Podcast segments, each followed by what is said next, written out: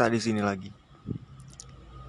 Segera setelah Nora masuk panti Ureda, Oakleaf, Residental, dan sebelumnya bahkan mencapai meja resepsionis yang melihat seorang pria lansia berkacamata dan bertubuh lemah yang kenalinya. Pria itu tengah berdebat agak sengit dengan perawat yang kelihatan kesal seperti desahan yang berubah menjadi manusia. Aku betul-betul ingin pergi ke taman, kata pria tua itu. Maaf, tapi taman sedang digunakan hari. Aku hanya ingin duduk di bangkunya, baca koran. Mungkin kalau kau mendaftar ke sesi kegiatan berkebun, aku tidak mau sesi berkebun. Aku ingin menelpon Davak. Semua ini kesalahan. Nora pernah mendengar tangga lamanya membicarakan tentang Davak yang sang anak laki-laki. Waktu ia menyerahkan obat-obatan untuk pria itu. Rupanya anak laki-lakinya selama ini mendorongnya untuk pergi ke panti Oreda, tapi Mrs. Banerjee berkeras mempertahankan rumahnya. Apakah tidak mungkin aku hanya saat ini pria itu menyadari dirinya tengah dipandangi? Mr. Banerjee? Mr. Banerjee menatap Nora, bingung. Halo, siapa kau? Aku Nora. Kau tahu Nora Sid? Lalu merasa terlalu bersemangat untuk berpikir yang menambahkan, aku tanggamu di Bancroft Avenue. Mr. Banerjee menggeleng-geleng. Kurasa kau salah orang, sayang. Sudah tiga tahun aku tidak tinggal di sana. Aku juga sangat yakin kau bukan tetanggaku. Perawat itu menelengkan kepala ke arah Mr. Banerjee, seolah-olah ia anak anjing yang bingung. Mungkin kau lupa. Tidak, ujar Nora, buru-buru, menyadari kesalahannya. Dia benar, aku bingung. Kadang-kadang aku lupa, aku tidak pernah tinggal di sana. Itu tempat lain. Dan orang lain, maaf. Mereka melanjutkan percakapan mereka sewaktu Nora memikirkan kebun depan Mr. Banerjee yang penuh bunga iris dan foxglove. Ada yang bisa aku bantu? Nora menoleh untuk menatap resepsionis, seorang pria sopan berambut merah dan berkacamata dengan kulit bintik-bintik dan logat sekolah dia yang lembut. Nora memberitahunya siapa dirinya, bahwa ia sudah menelpon tadi. Awalnya pria itu tampak bingung, dan kau bilang kau meninggalkan pesan. Pria itu bisa nandung pelan sewaktu mencari surau Nora. Ya, tapi lewat telepon. Aku sudah mencoba berkali-kali tapi tidak berhasil terhubung. Jadi akhirnya aku meninggalkan pesan. Aku juga mengirim surau. Ah, ya, aku mengerti. Ya, maaf soal itu. Apakah kau ma kemari untuk bertemu anggota keluargamu? Tidak, Nora menjelaskan. Aku bukan keluarga. Aku hanya seorang yang dulu pernah mengenalnya, tapi dia akan mengenalku. Namanya Mrs. Al. Nora mencoba mengingatkan mengingat nama lengkapnya. Maaf, Louis Elm. Kalau kamu beritahunya namaku Nora, Nora Sid. Dulu dia Dulu dia pusaka di sekolah di Hazelden. Aku berpikir dia mungkin suka ditemani. Pria itu berhenti melihat komputernya dan berdongak menatap Nora dengan rasa kaget yang tidak ditutup-tutupi. Awalnya Nora pikir ia salah atau mungkin Dylan yang salah. Malam itu di La Cantina atau mungkin Mrs. Elm di kehidupan yang itu mengalami nasib berbeda dalam kehidupan yang ini walaupun Nora tidak tahu bagaimana perusahaannya sendiri untuk bekerja di tempat penampungan binatang akan mengarah ke hasil berbeda untuk Mrs. Elm di kehidupan yang ini tapi itu tidak masuk akal karena dalam semua kehidupan itu ia tidak bertukar kabar dengan sang pustakawatis sejak sekolah ada apa? tanya Nora kepada resepsionis um, Aku sangat menyesal untuk memberitahumu ini, tapi Louis Elm sudah tadi sini lagi. Di mana dia? Dia sebetulnya dia meninggal tiga, tiga minggu lalu. Awalnya Nora berpikir itu pasti kesalahan administrasi. Apakah kau yakin? Iya, sayangnya aku sangat yakin. Oh, kata Nora. Ia tidak tahu apa yang harus dikatakannya atau dirasakannya. Ia menunduk ke tote bag yang ditaruh di sampingnya di mobil tadi. Tas yang berisi perlengkapan main catur yang dibawanya untuk bermain catur dengan Mrs. Lam untuk menemuinya. Maaf, aku tidak tahu. Aku tidak. Aku sudah bertahun-tahun tidak bertemu dengannya, bertahun-tahun. Tapi aku dengar dari seseorang bahwa dia ada di sini. Maaf sekali kita resepsionis. Tidak, tidak apa-apa. Aku ingin berterima kasih kepadanya karena sudah sangat baik kepadaku. Dia meninggal dengan sangat tenang, kata pria itu. Meninggal dalam tidur. Nora tersenyum dan mundur dengan sopan. Itu bagus. Terima kasih. Terima kasih karena sudah merawatnya. Aku akan pergi sekarang.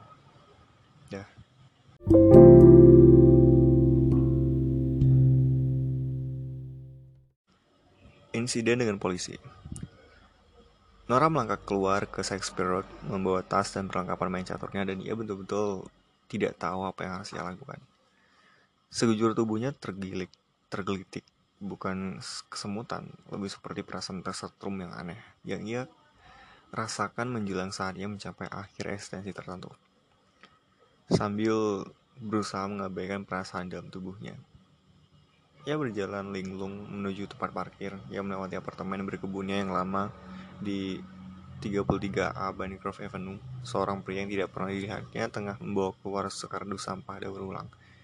Ia memikirkan rumah cantik di Cambridge yang kini dimilikinya dan tidak bisa tidak membandingkannya dengan apartemen kumuh di jalan dengan sampah berserakan ini. Klitik ini berkurang sedikit. Ia melewati rumah Mr. Banerjee, atau yang dulunya rumah Mr. Banerjee, dan melihat satu-satunya rumah yang dimilikinya orang di jalan itu yang belum dibagi-bagi menjadi apartemen-apartemen. Walaupun sekarang rumah itu kelihatan sangat berbeda.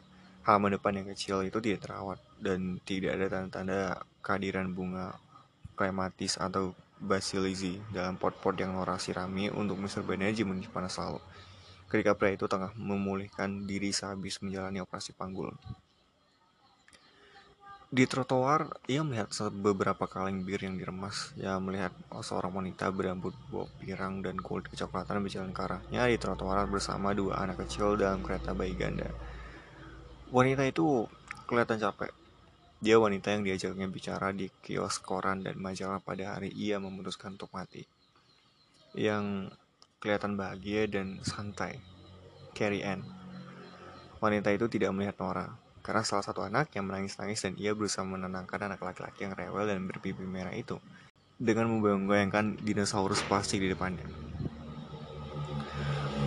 Aku dan Jack sudah seperti kelinci, tapi kami berhasil. Dua teroris kecil tapi sepeda. Kau tahu, aku merasa lengkap. Aku bisa menunjukkan foto-foto kepadamu. Al Carrie Ann mendongak dan melihat Nora. Aku kenal kau kan? Nora kan? Iya. Hai Nora. Hai Carrie Ann. Kau ingat nama aku? Oh wow, aku tergagum-gagum padamu waktu sekolah. Kelihatannya kau memiliki segalanya. Apakah kau pernah sampai di kau olimpiade? Ya, sebetulnya bisa dibilang begitu. Salah satu dari aku mencapainya. Tapi bukan itu yang kuinginkan. Tapi ya, memangnya apa yang kuinginkan, ya kan? Kirian kelihatan bingung sesaat. Lalu anak laki-lakinya melempar si dinosaurus ke trotoar dan mainan itu mendarat di samping kaleng-kaleng diremas. Benar. Nora memungut dinosaurus itu. Stegosaurus saat dilihat dari dekat dan menyerahkannya kepada Kerian yang tersenyum terima kasih dan berjalan masuk ke rumah yang seharusnya milik Mr. Banerjee. Persis ketika anaknya tantrum. Dah, kata Nora. Ya, dah. Lalu, Nora bertanya-tanya, apa perbedaan yang telah terjadi? Apa yang memaksa Mr. Banerjee pergi ke Panti Preda padahal sebelumnya dia ngotot tidak mau ke sana? Nora adalah salah satunya perbedaan antara kedua Mr. Banerjee. Tapi apa persisnya perbedaan itu? Apa yang telah dilakukannya? Membuat toko daring, mengambilkan obat resep untuk Mr. Banerjee beberapa kali? Jangan pernah meremehkan arti penting dari hal-hal kecil, kata Mrs. Elm waktu itu. Kau harus selalu ingat itu. Ia menatap jendelanya sendiri, yang memikirkan dirinya sendiri di kehidupan akarnya melayang-layang antara hidup dan mati di dalam kamar tidurnya, equidistant. Lalu, untuk pertama kalinya, Nora mengkhawatirkan dirinya sendiri seolah-olah ia sebetulnya orang lain. Bukan sederet versi lain dirinya, melainkan orang nyata yang berbeda. Seolah-olah akhirnya, melalui semua pengalaman hidup yang kini dimilikinya, ia menjadi seorang yang mengasihani dirinya yang dulu bukan dalam sikap mengasihani diri karena ia diri yang berbeda sekarang. Lalu seorang muncul di dirinya sendiri, seorang wanita yang bukan dirinya menggendong kucing yang bukan Voltaire. Ya, inilah harapannya. Bahkan sewaktu ia mulai merasa pening dan berkabut lagi. Ia mengarah ke kota, berjalan di sepanjang jalan utama. Ya, ini berbeda sekarang. Ya lebih kuat. Ia telah menyingkap hal-hal dalam dirinya. Hal-hal yang mungkin tidak pernah diketahuinya kalau ia tidak pernah bernyanyi di arena atau melawan beruang kutub atau merasakan begitu banyak cinta dan ketakutan dan keberanian. Ada keributan di luar burs. Dua pemuda ditangkap oleh polisi sementara di dekat toko seorang detektif berbicara ke walkie-talkie. Ia mengenali salah satu pemuda itu dan mendekatinya. Leo. Polisi memberinya isyarat untuk mundur. Siapa kau? Tanya Leo. Aku Nora sadar ia tidak bisa mengatakan guru les pianomu. Lalu ia sadar betapa gila mengingat situasi tegang ini untuk mengatakan apa yang hendak dikatakannya. Tapi tetap saja ia mengatakannya. Apakah kau ikut les musik? Leo menunduk ke borgol yang dipasang di tangannya. Aku tidak pernah ikut les masuk apa pun. Suaranya kehilangan nada sok beraninya. Petugas polisi itu mulai frustasi. Tolong, miss. Biar kami yang tangani itu. Dia anak yang baik, kata Nora. Tolong jangan terlalu kasar padanya. Ya, anak yang baik ini saja mencuri 200 pounds dari dalam sana. Dia juga didapati dengan kepemilikan senjata. Senjata? Pisau? Tidak, pasti ada kesalahpahaman. Dia bukan anak seperti itu. Kau dengar itu? Kata petugas polisi itu kepada rekannya. Wanita ini berpikir teman kita Leo Thompson bukan tipe anak bermasalah. Petugas polisi satunya tertawa. Dia balik-balik terlibat masalah bocah satu ini. Nah sekarang, kata petugas polisi pertama, biarkan kami melakukan pekerjaan kami di sini. Tentu saja kata tentu saja. Lakukan apa pun yang mereka katakan Leo. Leo menatapnya seolah-olah ia dikirim untuk melemparkan lelucon yang tidak lucu. Beberapa tahun yang lalu, ibu Leo, Dorem, datang ke string teori untuk membelikan keyboard murah untuk anaknya. Ia mengkhawatirkan kelakuan Leo di sekolah dan Leo mengemukakan minatnya pada musik jadi ia ingin mencarikan les piano untuk anaknya itu. Jadi Nora menjelaskan ia punya piano elektrik dan bisa memainkannya tapi tidak mendapat perhatian formal untuk mengajar. Dora menjelaskannya tidak punya banyak uang, tapi mereka lalu mengadakan kesepakatan, dan Dora menikmati memberi Leo les piano tiap selasa malam. Mengajarinya perbedaan antara akor ketujuh, mayor, dan minor, dan berpikir Leo adalah anak yang hebat bersemangat untuk belajar. Dora melihat Leo terlibat pergaulan yang salah, tapi waktu Leo mendalami musik, karena itu juga Mas mulai memperbaiki diri dalam bidang-bidang lainnya. Tiba-tiba saja Leo tidak pernah kena masalah lagi dengan guru-gurunya dan dia mainkan semuanya, mulai dari Chopin sampai Scott Joplin, sampai Frank Ocean dan John Legend dan Rex Orange Country dengan kepedulian dan komitmen yang sama. Sesuatu yang Mrs. Alm katakan kepada Nora di awal kunjungannya ke perpustakaan tengah malam terngiang. Setiap kehidupan mengandung berjuta-juta keputusan, beberapa besar, beberapa kecil. Tapi setiap kali satu keputusan menumbangkan keputusan lainnya, hasil akhirnya akan berbeda. Variasi-variasi yang tak bisa diubah terjadi, yang pada gilirannya mengarah pada variasi-variasi lain lagi. Dalam lini masa saat ini, tempat Nora telah menempuh S2 di Cambridge dan menikah dengan Asia dan punya bayi. Ia tidak berada di strength teori 4 tahun lalu, pada hari Dorem dan Leo datang. Dalam lini masa saat ini, Dorem tidak pernah menemukan guru les musik yang cukup murah, jadi Leo tidak pernah bertahan dengan musik cukup lama untuk menyadari ia berbakat. Leo tidak pernah duduk di sana. Bersisian dengan Nora pada selasa malam mengejar Renjana yang lalu dilanjutkannya di rumah, menciptakan musiknya sendiri. Nora merasakan dirinya melemah, bukan sekedar tergelitik dan berkabut, melainkan sesuatu yang lebih kuat. Sensasi terjun ke dalam ketiadaan, diiringi penglihatannya yang sesaat berubah gelap. Perasaan Nora yang lain ada di sana, tak jauh, siap melanjutkan di tempat Nora yang ingin ia tinggalkan. Otaknya siap untuk memenuhi celah-celah dan memiliki alasan yang sangat kuat untuk melakukan perjalanan seru saat perjalanan satu hari ke Bedford dan untuk memenuhi setiap kekosongan seolah-olah ia berada di sana sepanjang waktu. Cemas karena tahu apa itu artinya. Ia berbalik pergi, meninggalkan Leo dan teman-temannya pemuda itu. Ketika mereka digiring ke mobil polisi, disaksikan semua orang yang berada di jalan utama Bedford dan Nora mempercepat langkahnya menuju tempat parkir. Ini kehidupan yang bagus, ini kehidupan yang bagus. Ini kehidupan yang bagus.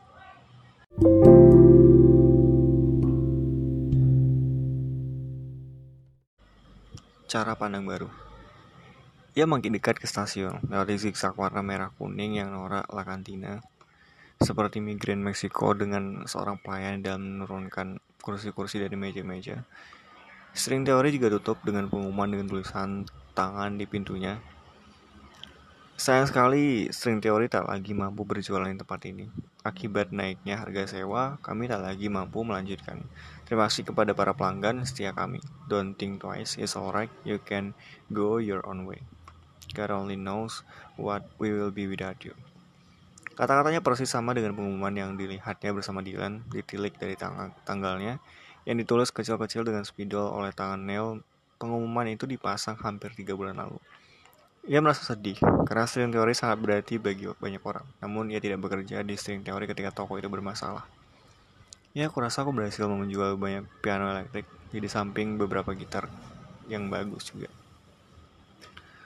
Sewaktu remaja dulu, ia dan Joe selalu bercanda tentang kampung halaman mereka, seperti layaknya remaja dan berkata bahwa HMP Bedford merupakan penjara dalam dan sisa kotanya hanyalah penjara luar, dan kau ada kesempatan apa pun untuk meloloskan diri, kau harus merenggutnya. Tetapi matahari sudah terbit sekarang sewaktu ia mendekati stasiun dan kelihatannya ia menatap tempat itu dengan cara yang salah selama bertahun-tahun ini.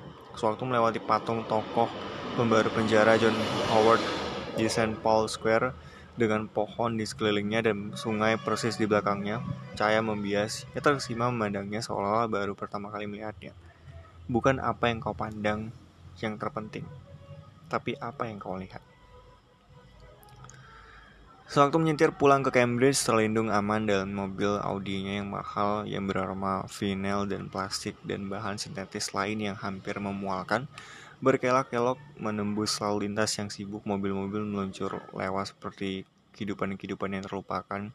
Ia berharap dengan amat sangat bahwa ia berhasil bertemu dengan Miss Am yang asli sebelum wanita itu meninggal. Akan menyenangkan untuk bermain catur untuk terakhir kalinya dengan Miss Am sebelum wanita itu pergi. Ya lalu memikirkan Leo yang malang, duduk di sel kecil tak berjendela di kantor polisi Bedford, menunggu Dorem untuk datang menjemputnya. Ini kehidupan terbaik. Yang memberitahu dirinya sendiri, agak putus asa sekarang.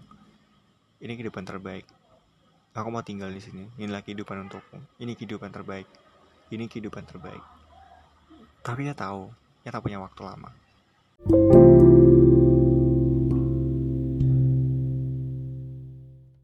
bunga-bunga punya air.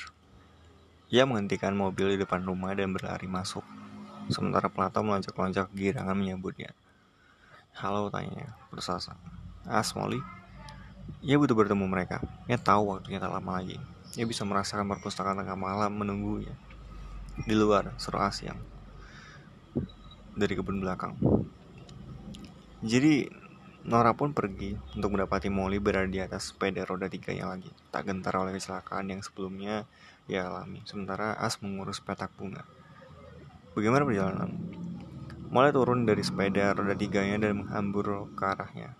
Mami, aku kangen mami. Aku pintar naik sepeda sekarang. Benarkah sayang? Ia memeluk anak perempuannya rat-rat dan memejamkan mata dan menarik napas dalam-dalam menghirup wangi rambut Molly dan anjing dan pelembut pakaian dan masak anak-anak dan berharap keajaiban itu akan membantunya tetap berada di sana. Aku mencintaimu, Molly. Aku ingin kau tahu itu selama-lamanya. Kamu ngerti? Iya, Mami, tentu saja. Aku juga mencintai Dedimu. Semuanya akan baik-baik saja karena apa pun yang terjadi, kau akan selalu memiliki Dedi dan kau akan memiliki Mami juga. Hanya saja aku mungkin tidak ada di sini dan dalam cara yang persis sama. Aku akan di sini. Tapi Ya sadar Molly tidak perlu tahu apa-apa selain satu kebenaran. Aku mencintaimu. Molly tampak prihatin. Mami melupakan Plato. Ya tentu saja aku mencintai Plato. Bagaimana mungkin aku melupakan Plato? Plato tahu aku mencintainya, ya kan? Plato, Plato aku mencintainya. Nara berusaha membenarkan apa pun yang terjadi, mereka akan diurus, mereka akan dicintai, mereka juga memiliki tas sama lain dan mereka akan bahagia. Laas mendekat masih memakai sarung tangan berkebunnya. Kau baik-baik saja, no. Kau kelihatan agak pucat. Apa yang terjadi? Oh, akan kuceritakan padamu nanti setelah mulai tidur. Oke. Okay. Um, ada toko yang akan datang sewaktu-waktu. Jadi pasang telinga baik-baik untuk truk. Tentu, ya, ya. Lalu Molly bertanya apakah ia boleh mengeluarkan Embra dan As menjelaskan bahwa belakangan ini sudah sering hujan, jadi itu tidak perlu karena langit sudah merawat merawat bunga-bunga. Mereka kan baik-baik saja. Mereka dirawat. Bunga-bunga punya air. Kata-kata itu bergema di dalam benak Nora. Mereka kan baik-baik saja. Mereka dirawat. Setelah itu As mengatakan sesuatu tentang pergi ke bioskop malam ini dan bagaimana ia sudah menghubungi pengasuh anak dan Nora sama sekali lupa tapi hanya tersenyum dan berusaha sekuat tenaga untuk bertahan. untuk tetap berada di sana. Tapi itu terjadi. Itu terjadi. Dia bisa merasakannya. Dari setiap relung tersembunyi dalam dirinya dan tidak ada satu hal pun yang bisa ia lakukan untuk menghentikannya.